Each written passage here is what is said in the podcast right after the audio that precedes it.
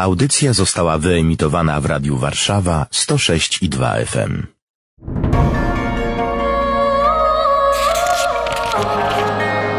Księga. Księga. Księga. Niedzielne czytania biblijne rozważają ksiądz Łukasz Turek i Paweł Kęska. Niech będzie pochwalony Jezus Chrystus. Na wieki wieków. Amen. Kiedy się czyta w kościele czytania biblijne, to często wypowiada się formułę oto słowo Boże. Bogu niech będą dzięki. Amen. Tak. W katechezie często się pojawia temat Słowa Bożego, ale ja się zastanawiam, czy my generalnie w ogóle wiemy o co chodzi. Oto Słowo Boże, czyli co? Czyli kto? Czyli Bóg. Bóg. Tutaj, no, żeby nie przedłużać tego wstępu, to należy po prostu powiedzieć, że Bóg chce do nas przemawiać i Bóg nieustannie do nas przemawia. Bóg chce się z nami skomunikować. Bóg chce wchodzić z nami w relacje. Więc, żeby z kimś wejść w relację, trzeba nawiązać z nim kontakt. I Bóg mówi do nas po to, żeby nas otworzyć na siebie i żebyśmy my zaczęli mu odpowiadać, jeżeli też do niego mówić. Więc Słowo Boże jest to sposób przemawiania Pana Boga do człowieka, do mnie. Mam mnóstwo pytań, a zaczynamy od czytania z księgi proroka Izajasza, rozdział 55, wersy od 10 do 11.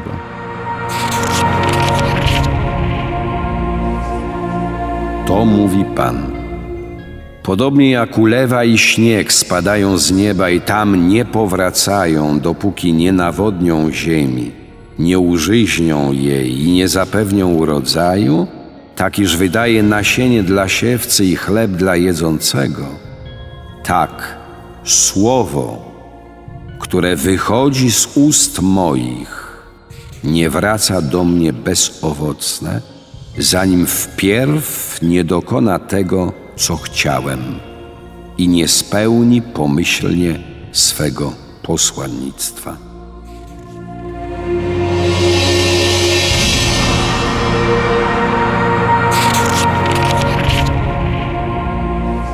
Rozmawiamy dziś o tym, czym jest Słowo Boże i ten tekst Izajasza dotyka mocno tego tematu. Od samego początku, no to od pierwszych słów. Podobnie jak ulewa i śnieg spadają z nieba, tak słowo, które wychodzi z ust moich. Czyli Słowo Boże jest podobne do ulewy i do śniegu.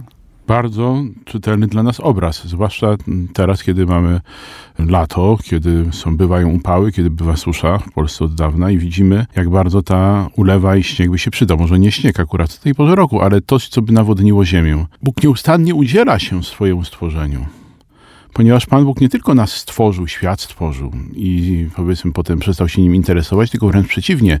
Bóg jest bardzo mocno zainteresowany światem, zainteresowany swoim stworzeniem, a w szczególny sposób zainteresowany nami, zatroskany o nas, więc y, zależy mu na tym, żebyśmy żyli, żebyśmy żyli pełnią życia, żebyśmy wydawali właściwy plon. Czyli wegetacja, wzrost. Tak, wegetacja, znaczy, ale nie w tym negatywnym znaczeniu. My tutaj na Ziemi bardzo często wegetujemy, dlatego że nie otwieramy się na, na to, co Pan Bóg nam daje. W ogóle na Pana Boga się nie otwieramy, więc wegetujemy duchowo. Ale wegetacja, wzrost w sensie takim, tak w przyrodzie obserwujemy te wszystkie zjawiska, dzięki którym my mamy co jeść. Możemy się cieszyć też widokiem zielonych drzew, pięknych kwiatów. To jest właśnie to, o co chodzi.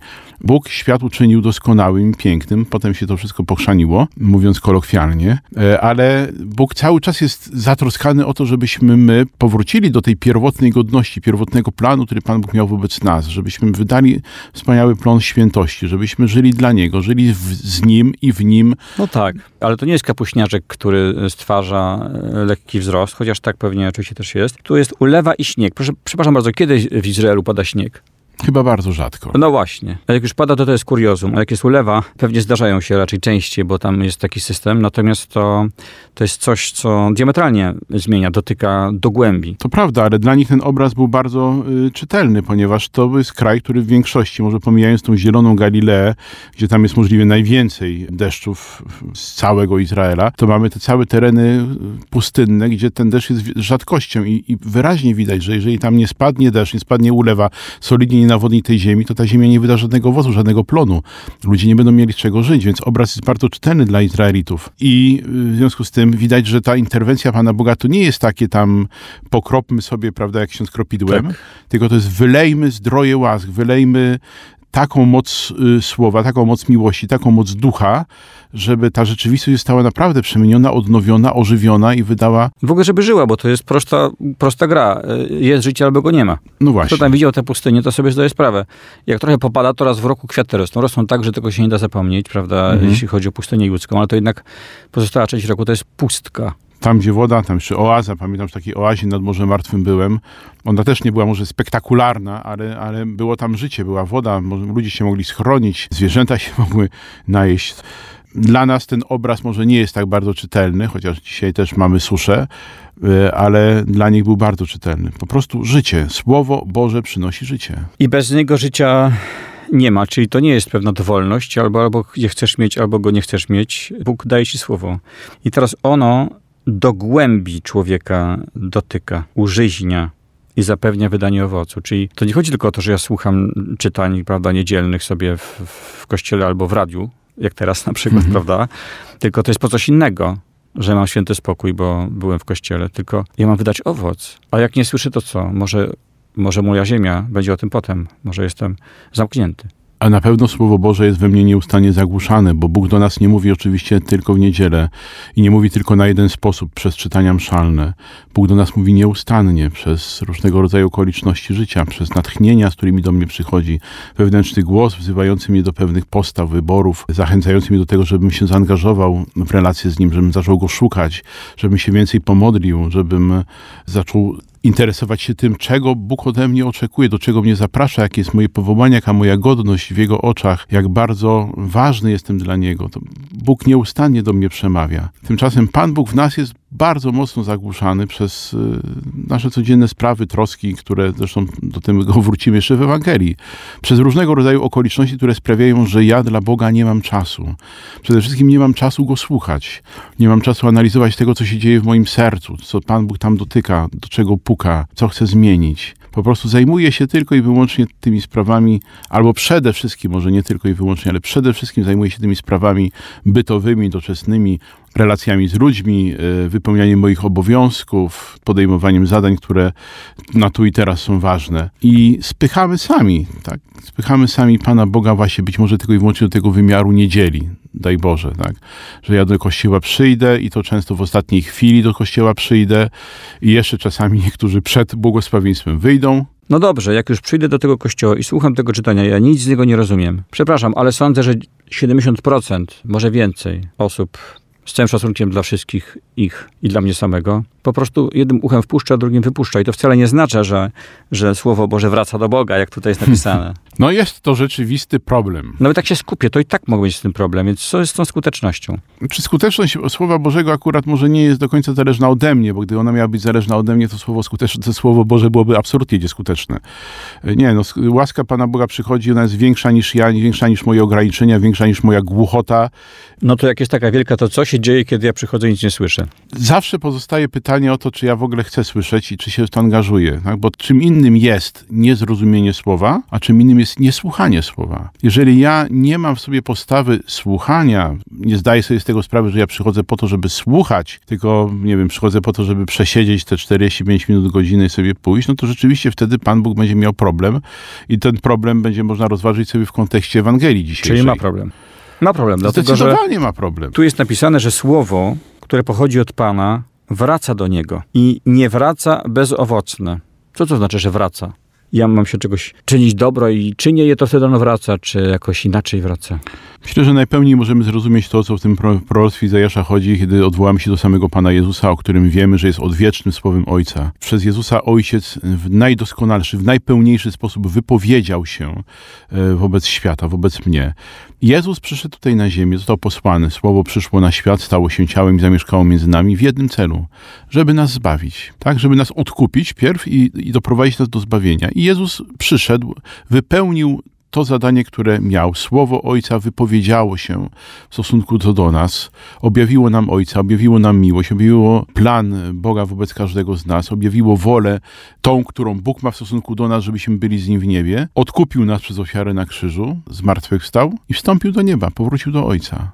Jak to się ma do naszej historii, do naszej liturgii niedzielnej? Każda msza święta jest uobecnieniem ofiary, którą Jezus złożył na krzyżu. W każdej mszy świętej Bóg wypowiada się przez Jezusa Chrystusa po to, żeby wypełnić w nas dzieło naszego odkupienia. To dzieło odkupienia już się dokonało 2000 lat na krzyżu, ale ono jest uobecniane w tej najświętszej ofierze po to, żebyśmy mieli dostęp do tego źródła odkupienia i żebyśmy czerpiąc z niego mogli zacząć żyć życiem ludzi zbawionych, bo od Chrztu Świętego już jesteśmy zbawieni, ale mamy żyć życiem człowieka zbawionego, tak żebyśmy my sami kiedyś w którymś momencie powrócili do Ojca.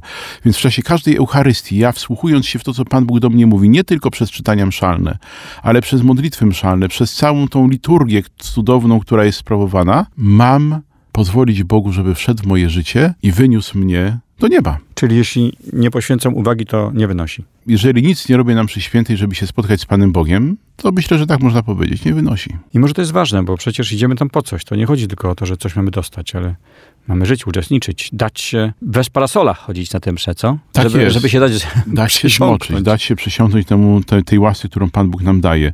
Czyli świadome uczestniczenie w Eucharystii to jest bardzo ważna rzecz, żeby ją przeżyć w sposób pełny, w sposób doskonały, taki, jaki Pan Bóg dla nas zamierzył. Żeby przenikło do głębi serca to słowo. Dokładnie tak. Za chwilę przeczytamy fragment e, z listu świętego Pawła Apostoła.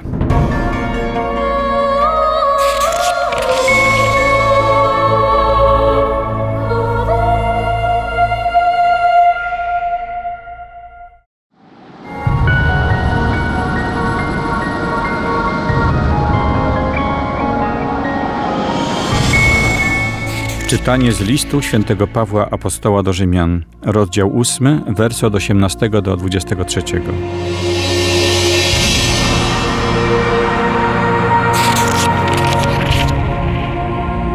Bracia, sądzę, że cierpień teraźniejszych nie można stawiać na równi z chwałą, która ma się w nas objawić. Bo stworzenie z upragnieniem oczekuje objawienia się synów Bożych. Stworzenie bowiem zostało poddane marności nie z własnej chęci, ale ze względu na tego, który je poddał, w nadziei, że również i ono zostanie wyzwolone z niewoli zepsucia, by uczestniczyć w wolności i w chwale dzieci Bożych. Wiemy przecież, że całe stworzenie aż dotąd jęczy i wzdycha w bólach rodzenia. Lecz nie tylko ono, ale i my sami, którzy już posiadamy pierwsze dary ducha, i my również, całą istotą swoją, wzdychamy, oczekując przybrania za synów, odkupienia naszego ciała.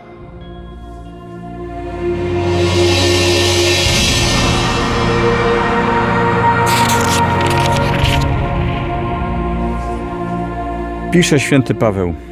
Stworzenie bowiem zostało poddane marności.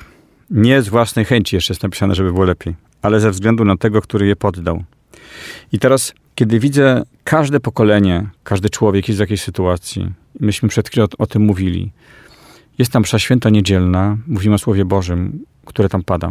My jesteśmy poddani marności. Nawet my, parafianie, którzy słuchamy Słowa Bożego, którzy chcemy, wychodzi, nie wychodzi, pójdziemy do kościoła, będziemy uczestniczyć na tyle, na ile nas stać, ale jesteśmy poddani marności. To jest nasz ból, który sprawia potem, że nie czynimy tego dobra, które chcemy, trzymając się znowu słów świętego Pawła, tylko czynimy zło, którego nie chcemy. W tym fragmencie święty Paweł traktuje całą naturę stworzoną jako takiego bezrozumnego człowieka, który zatracił tą godność, tą świętość, tą czystość, tą doskonałość, y, którą Pan Bóg zamierzył. Tak? Możemy tutaj zobaczyć też Adama, który przez swój wybór pójścia za pokusą, która, która mu została podsunięta, gdyby zniweczył Boży plan w stosunku do siebie.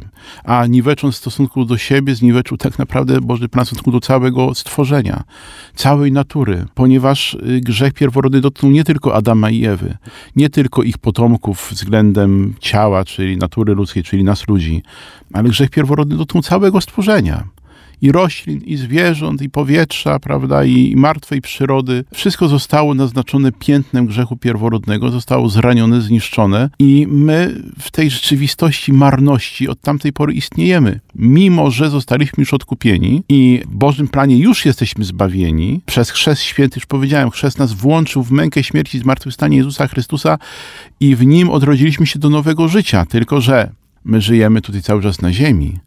I bardzo trudno nam jest żyć życiem ludzi mm, świętych, żyć życiem aniołów, bo jesteśmy potomstwem Abrahama cały czas, a jeszcze patrząc wcześniej właśnie potomstwem Adama i Ewy. I marność tego świata i marność tych wszystkich relacji, sposobów przeżywania swojego życia na tym świecie bardzo mocno nas dotyka. Bardzo mocno nas dotyka, bo całe stworzenie aż dotąd jęczy i wzdycha w bólach rodzenia. Paweł pisze nawet, że nie tylko ono, ale i my sami, którzy już posiadamy pierwsze dary ducha.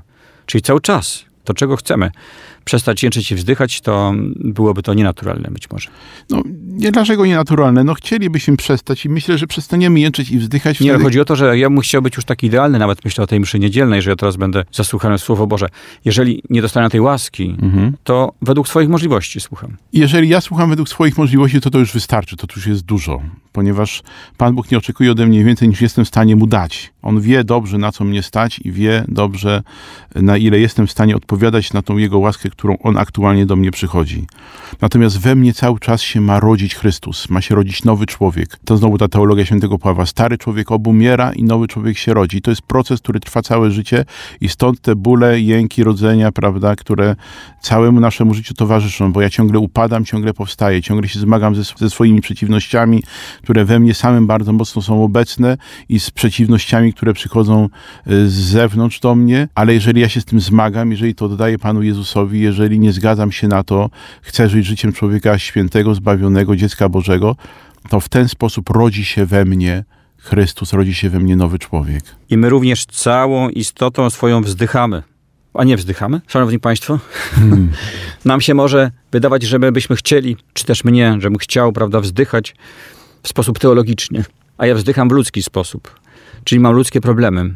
Kwestia lęku przed śmiercią, miłości, odpowiedzialności za rodzinę. Mnóstwo takich rzeczy jest. I co, nie ma tego? No przecież jest. Jest. To tak myślę sobie, że skoro jestem na mszy świętej i przyjmuję to, że Bóg stworzył ten świat i mnie w tym całym bałaganie postawił z jakichś powodów sobie tylko znanych, to ja mogę nie rozkładać tego parasola i oczekiwać z tego kierunku życia. Bo ja może oczekuję świętego spokoju, a to jest coś znacznie głębszego. To prawda. Często traktujemy Pana Boga jako takiego Boga na pilota, tak? Daj, daj, daj, zrób, zrób, zrób, Ciebie prosimy, wysłuchaj nas, Panie. Tak? Albo nawet już nie to. Jako może reklamę, która przychodzi pocztą, a którą wyrzucam, nie? Mhm. Dobrze byłoby, żebym ja czegoś od niego chciał.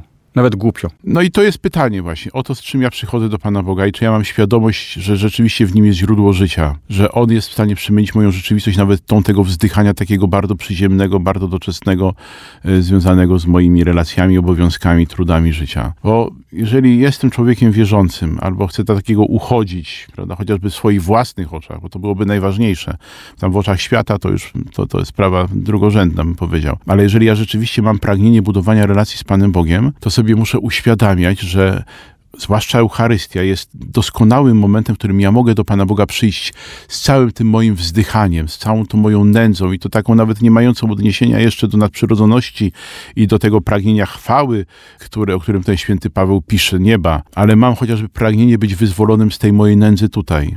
To Eucharystia jest idealnym momentem, w którym ja mam możliwość Panu Bogu oddać całą tą swoją nędzę, złożyć ją na ołtarzu i uświadomić sobie, że ja uczestniczę w ofierze Jezusa, do której mam włożyć swoją własną ofiarę. To już nie jest takie proste. Ksiądz mówi całą swoją nędzę. Nędzę widzi ten, kto ma pewne zaawansowanie teologiczno-mistyczno-duchowe. Normalny człowiek, widząc swoje zwykłe sprawy, być może widzi problem, a nie nędzę. Dobra, no to zamieńmy to nieszczęsne słowo teologiczne nędza na problemy. O, tak, tak, tak. Tak. Wzdychanie i jęczenie. Dokładnie. Dobrze, niech będzie tak. Problemy mogę swoje Panu Bogu oddać. Mam położyć je na ołtarzu, kiedy do Niego przychodzę, mając świadomość, że wtedy, kiedy ksiądz po przygotowaniu darów powie módlcie się, aby moją i waszą ofiarę przyjął Bóg Ojciec Wszechmogący, to tam na ołtarzu leży właśnie moja ofiara. A, czyli te problemy. Te problemy, te wzdychanie, te jęczenie, to z czym sobie nie radzę, to co mnie wkurza. Czyli wchodzę do kościoła i myślę sobie, co ja mam gdzieś tam położyć, po prostu moje zwyczajne sprawy. Zdecydowanie te zwyczajne i te najbardziej podłe i te najbardziej mm, upokarzające mnie to jest najlepszy dar, który ja tam mogę położyć. I Pan Bóg z tego daru naprawdę będzie się cieszył. A jeżeli my coś na tym ołtarzu położymy, to mamy gwarancję kilku rzeczy. Po pierwsze, że to zawsze zostanie przyjęte przez Boga. Po drugie, że jeżeli to przez Niego jest przyjęte, to na to wszystko stąpi Duch Święty i będzie to namaszczał, bo będą wyciągnięte ręce nad tymi darami, żeby stąpił Duch Święty. Ksiądz się o to modli. I potem, jeżeli to jest już namaszczone Duchem Świętym, to to będzie zawsze przemieniane przez Boga, przez Ducha Świętego. I kiedy już złożę, to nie, nie rozkładać parasola, Tak, tylko wystawiać się na tą ulewę łask, która właśnie w tym momencie, w sposób szczególny w czasie epiklezy, czyli tego wołania o Ducha Świętego, będzie się wylewał na wszystko, co na tym ołtarzu jest. A co to znaczy, że, że otworzyć się, że będzie wylewał? No ale co to dla mnie znaczy? Dla mnie znaczy, że mogę być przemoczony łaską Boga, że wszystko to, co jest tam położone, będzie, na to wszystko stąpi Duch Święty, na całe moje życie, na całą moją nędzę i będzie mnie Duch Święty przemieniał i uzdalniał do tego, żeby te moje problemy przestały być tylko moimi problemami, żebym miał świadomość, że Bóg w moich problemach uczestniczy, że Bóg w moich problemach jest obecny, w moim życiu jest obecny, w moich relacjach, małżeństwie, rodzicielstwie, mojej pracy. Bóg jest obecny w mojej depresji, Bóg jest obecny w moim niewyspaniu, zmęczeniu, w moich siedmiu dniach pracy tygodniowo, od rana do wieczora. Bóg jest obecny i chce to wszystko przemieniać po to, żebym ja nie musiał żyć tak, jak żyję, żebym mógł żyć życiem człowieka zbawionego, żebym mógł się cieszyć życiem. Alleluja! Halleluja! Gdybym miał marynarkę, to bym zakręcił teraz tak. I o to właśnie chodzi. No i za chwilę przeczytamy o Słowie Bożym w Ewangelii.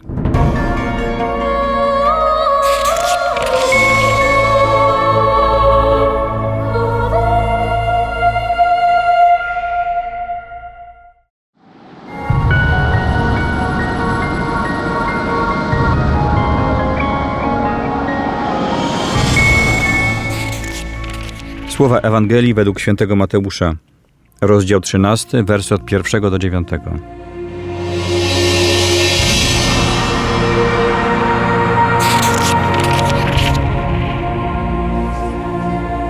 Tego dnia Jezus wyszedł z domu i usiadł nad jeziorem. Wnet zebrały się koło niego tłumy tak wielkie, że wszedł do łodzi i usiadł, a cały lud stał na brzegu. I mówił im wiele w przypowieściach tymi słowami. Oto siewca wyszedł siać, a gdy siał, niektóre ziarna padły na drogę, nadleciały ptaki i wydziobały je. Inne padły na miejsca skaliste, gdzie niewiele miały ziemi i wnet powschodziły, bo gleba nie była głęboka, lecz gdy słońce wzeszło, przypaliły się i uschły, bo nie miały korzenia. Inne znowu padły między ciernie, a ciernie wybujały i zagłuszyły je. Inne w końcu padły na ziemię żyzną i plon wydały. Jedno stokrotny, drugie sześćdziesięciokrotny, a inne trzydziestokrotny. Kto ma uszy, niechaj słucha. Przystąpili do niego uczniowie i zapytali: Dlaczego w przypowieściach mówisz do nich? On im odpowiedział: Wam dano poznać tajemnicę Królestwa Niebieskiego, im zaś nie dano. Bo kto ma, temu będzie dodane i nadmiar mieć będzie. Kto zaś nie ma, temu zabiorą również to, co ma. Dlatego mówię do nich w przypowieściach, że otwartymi oczami nie widzą i otwartymi uszami nie słyszą ani nie rozumieją. Tak spełnia się na nich przepowiednia Izajasza: Słuchać będziecie, a nie zrozumiecie. Patrzeć będziecie, a nie zobaczycie, bo stwardniało serce tego ludu. Ich uszy stępiały i oczy se zamknęli, żeby oczami nie widzieli, ani uszami nie słyszeli, ani swym sercem nie zrozumieli i nie nawrócili się, abym ich uzdrowił. Lecz szczęśliwe oczy wasze, że widzą i uszy wasze, że słyszą. Bo zaprawdę, powiadam wam, wielu proroków i sprawiedliwych pragnęło zobaczyć to, na co wy patrzycie, a nie ujrzeli, i usłyszeć to, co wy słyszycie, a nie usłyszeli. Wy zatem posłuchajcie przypowieści o siewcy. Do każdego, kto słucha słowa o królestwie, a nie rozumie go, przychodzi zły i porywa to, co zasiane jest w jego sercu. Takiego człowieka oznacza ziarno posiane na drodze. Posiane na miejscu skalistym oznacza tego, kto słucha słowa i natychmiast z radością je przyjmuje, ale nie ma w sobie korzenia, lecz jest niestały. Gdy przyjdzie ucisk lub prześladowanie z powodu słowa, zaraz się załamuje. Posiane między ciernie oznacza tego, kto słucha słowa, lecz troski doczesne i ułuda bogactwa zagłuszają słowo, także zostaje bezowocne. Posiane w końcu na ziemię żyzno oznacza tego, kto słucha słowa i rozumie je. On też wydaje plon. Jeden stokrotny, drugi sześćdziesięciokrotny, inny trzydziestokrotny.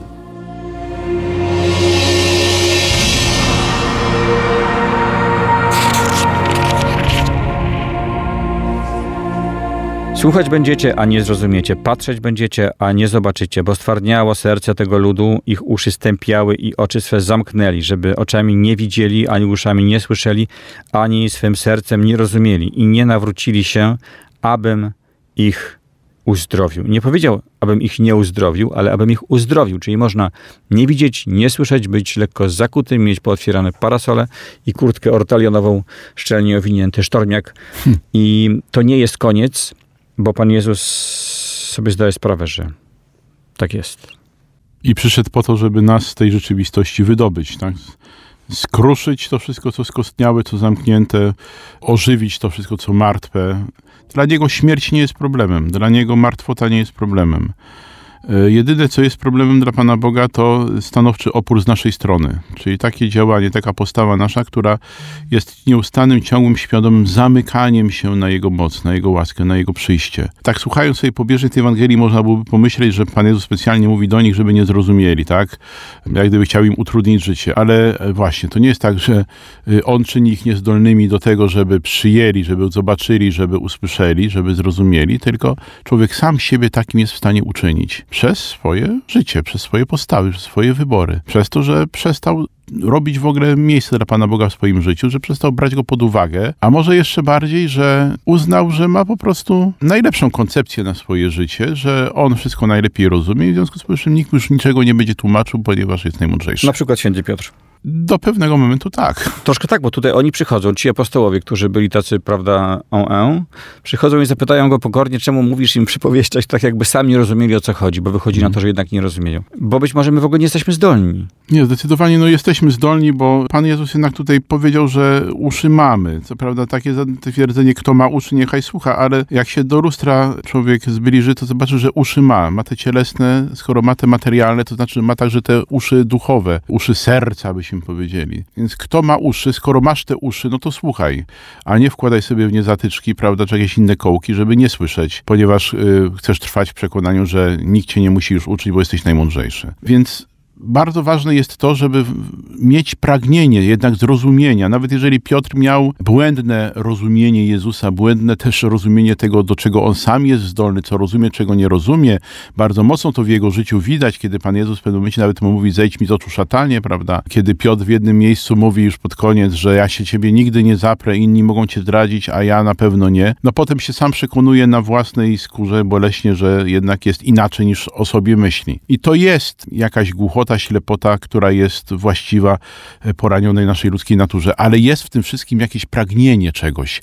Piotr nie jest zakuty jak rycerz, prawda, w zbroję pod Grunwaldem, tylko jednakowoż jest przy tym mistrzu, zadaje pytania, jest dociekliwy, e, jest gorliwy, jest napalony, ale no taki słaby.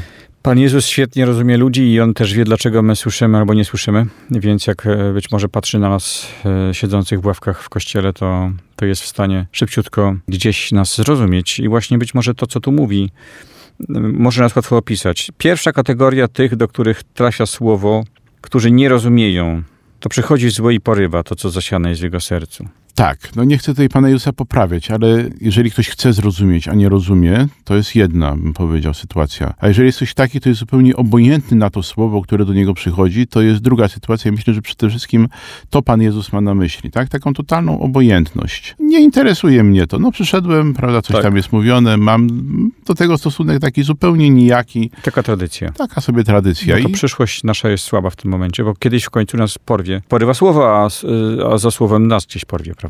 No, w ostatecznym rozrachunku tak może się to skończyć. Druga kategoria to jest grunt skalisty, to ten, kto słucha słowa i natychmiast z radością je przyjmuje. Ale nie ma w sobie korzenia i jest niestały. Czyli mam dobre chęci, że będę codziennie się modlił. Modlę się jeden dzień albo półtora. Tak, no i to jest malutki problem, może, może nawet większy niż malutki, ale jeżeli chęci są, to już zawsze jest się czego chwycić. Bo sporo osób jest takich, które wracają do spowiedzi po kilku dniach, po tygodniu, prawda, i mówi, no znowu upadłem, znowu upadłem, znowu upadłem, ale ciągle próbuje się podnosić, ciągle jednak mimo wszystko chcę, robię znowu postanowienie, postanowienie, mam słabą tą swoją mocną wolę, szybciutko upadam, ale bardzo ważne jest to, żeby nie poddawać się. Bo jeżeli ja uznam, że no dobra, postanowiłem sobie, wystarczyło mi zapału na jeden dzień, to potem już nic nie będę robił, no to rzeczywiście nic już nie będę robił i rzeczywiście nic Panu Bogu nie pozwolę zrobić w moim życiu. Ale jeżeli się podnoszę i wracam do mojego postanowienia, to byłoby dobrze. Posiane między ciernie oznacza tego, kto słucha słowa, lecz troski doczesne lub ułuda bogactwa zagłuszają słowa. Czyli chcę jakiejś zmiany w życiu, chcę kontaktu z Panem Bogiem, postanawiam coś robić, ale to już nawet może nie chaos codzienności, tylko jednak jakiś silniejszy głos wypycha. To wypycha. To, że jednak, no, związek niesakramentalny, prawda, ach, tam wybieram jednak to, co mi się wydaje, że jest dla mnie lepsze, tak, czyli z punktu widzenia wiary grzech, a z punktu widzenia mojego życia jakąś wygodę. Inne takie sytuacje. Albo szybki awans w pracy mimo pewnych Problemów niemoralnych, moralnych. prawda, spraw. kompromis, prawda, ze złem i tym podobnymi rzeczami. No, mamy tego mnóstwo rzeczy też, takie problemy wynikające z tego, że ludzie do mnie przychodzą, goście przychodzą, to, to ja już do, kościoła nie przyjdę, prawda, i tak dalej. No, jest mnóstwo rzeczy, które zajmują miejsce Pana Boga w moim sercu, dla, które są, okazuje się, w ostatecznym rozrachunku, które okazuje się, że są ważniejsze dla mnie niż Pan Bóg i póki sobie z tego sprawy nie zdam, nie pozwolę na to, żeby Jego Słowo mogło we mnie owocować. To jest ciekawe, bo tutaj ta gleba, która pojawia się w każdym przecież tym przypadku, są różne gleby, to jest moje życie. Tak, no. Znaczy, czego ja naprawdę chcę, czego pragnę, za czym tęsknię. I na ile jest we mnie postawa jakiejś takiej pokory względem siebie samego, względem swoich słabości, względem Pana Boga, dzięki której jestem w stanie uznać, że to, co robię, nie jest dobre. Ta droga, którą idę, nie jest właściwa, że tu potrzeba zmiany i ja sam siebie zmienić nie potrafię, więc liczę na to, że Pan Bóg uzdolni mnie do tego, żeby ta, to serce moje stało się glebą żyzną. Czyli jeśli nie będę gotów na to, że korzenie słowa będą w moim życiu wrastać głęboko i będą powoli przemieniać glebę mojego życia, no to będę w pół drogi zawsze gdzieś. Pan Bóg y, czyni moje serce glebą żyzną. To jest to, co Izajasz powiedział na początku. Ulewa spada na ziemię i czyni ją żyzną. Użyźnia czyni zdolną do wydania plonów. Łaska jest nieustannie. Być może właśnie to jest kwestia tego parasola, który należałoby złożyć i pozwolić, żeby ta ulewa, która jest nieustannie, nieustannie jest ulewa, żeby ona trafiła na to moje serce i, i, i je zmiękczyła, użyźniła. Czyli idziemy do kościoła chwilę wcześniej, żeby odciąć się od chaosu świata ze swoim własnym sercem. Jego problemy, sprawy rozliczne skrzętnie pakujemy i kładziemy na ołtarz. I kto ma uszy, niechaj słucha. A Pan Bóg nas dalej będzie prowadził. Bo to jest wszystko dzieło Boże w nas. My sami siebie nie zbawiamy, my sami siebie nie nawracamy, nie przemieniamy. Z naszej strony potrzeba przyzwolenia i tej aktywności, która stworzy Panu Bogu przestrzeń do działania w moim życiu. Właśnie, będzie złożeniem parasola na ulewę łaski, którą na nas wylewa, ulewę Ducha Świętego. Ofiarowanie Panu Bogu siebie, ponieważ On nie chce wydzierać, prawda, mi mojego życia i całego tego bagna mojego życia wydzierać mi na siłę. Liczy na to, że zrozumiem, że tkwienie w tym bagnie nie jest dla mnie najlepszym sposobem życia i nie do tego zostałem powołany, żeby być nieszczęśliwym, tylko wręcz przeciwnie, żeby być szczęśliwym. Więc oddać to. Alleluja. Alleluja. Za uwagę dziękuję Państwu. Ksiądz Łukasz Turek I Paweł Kęska. Księga. Księga. Księga.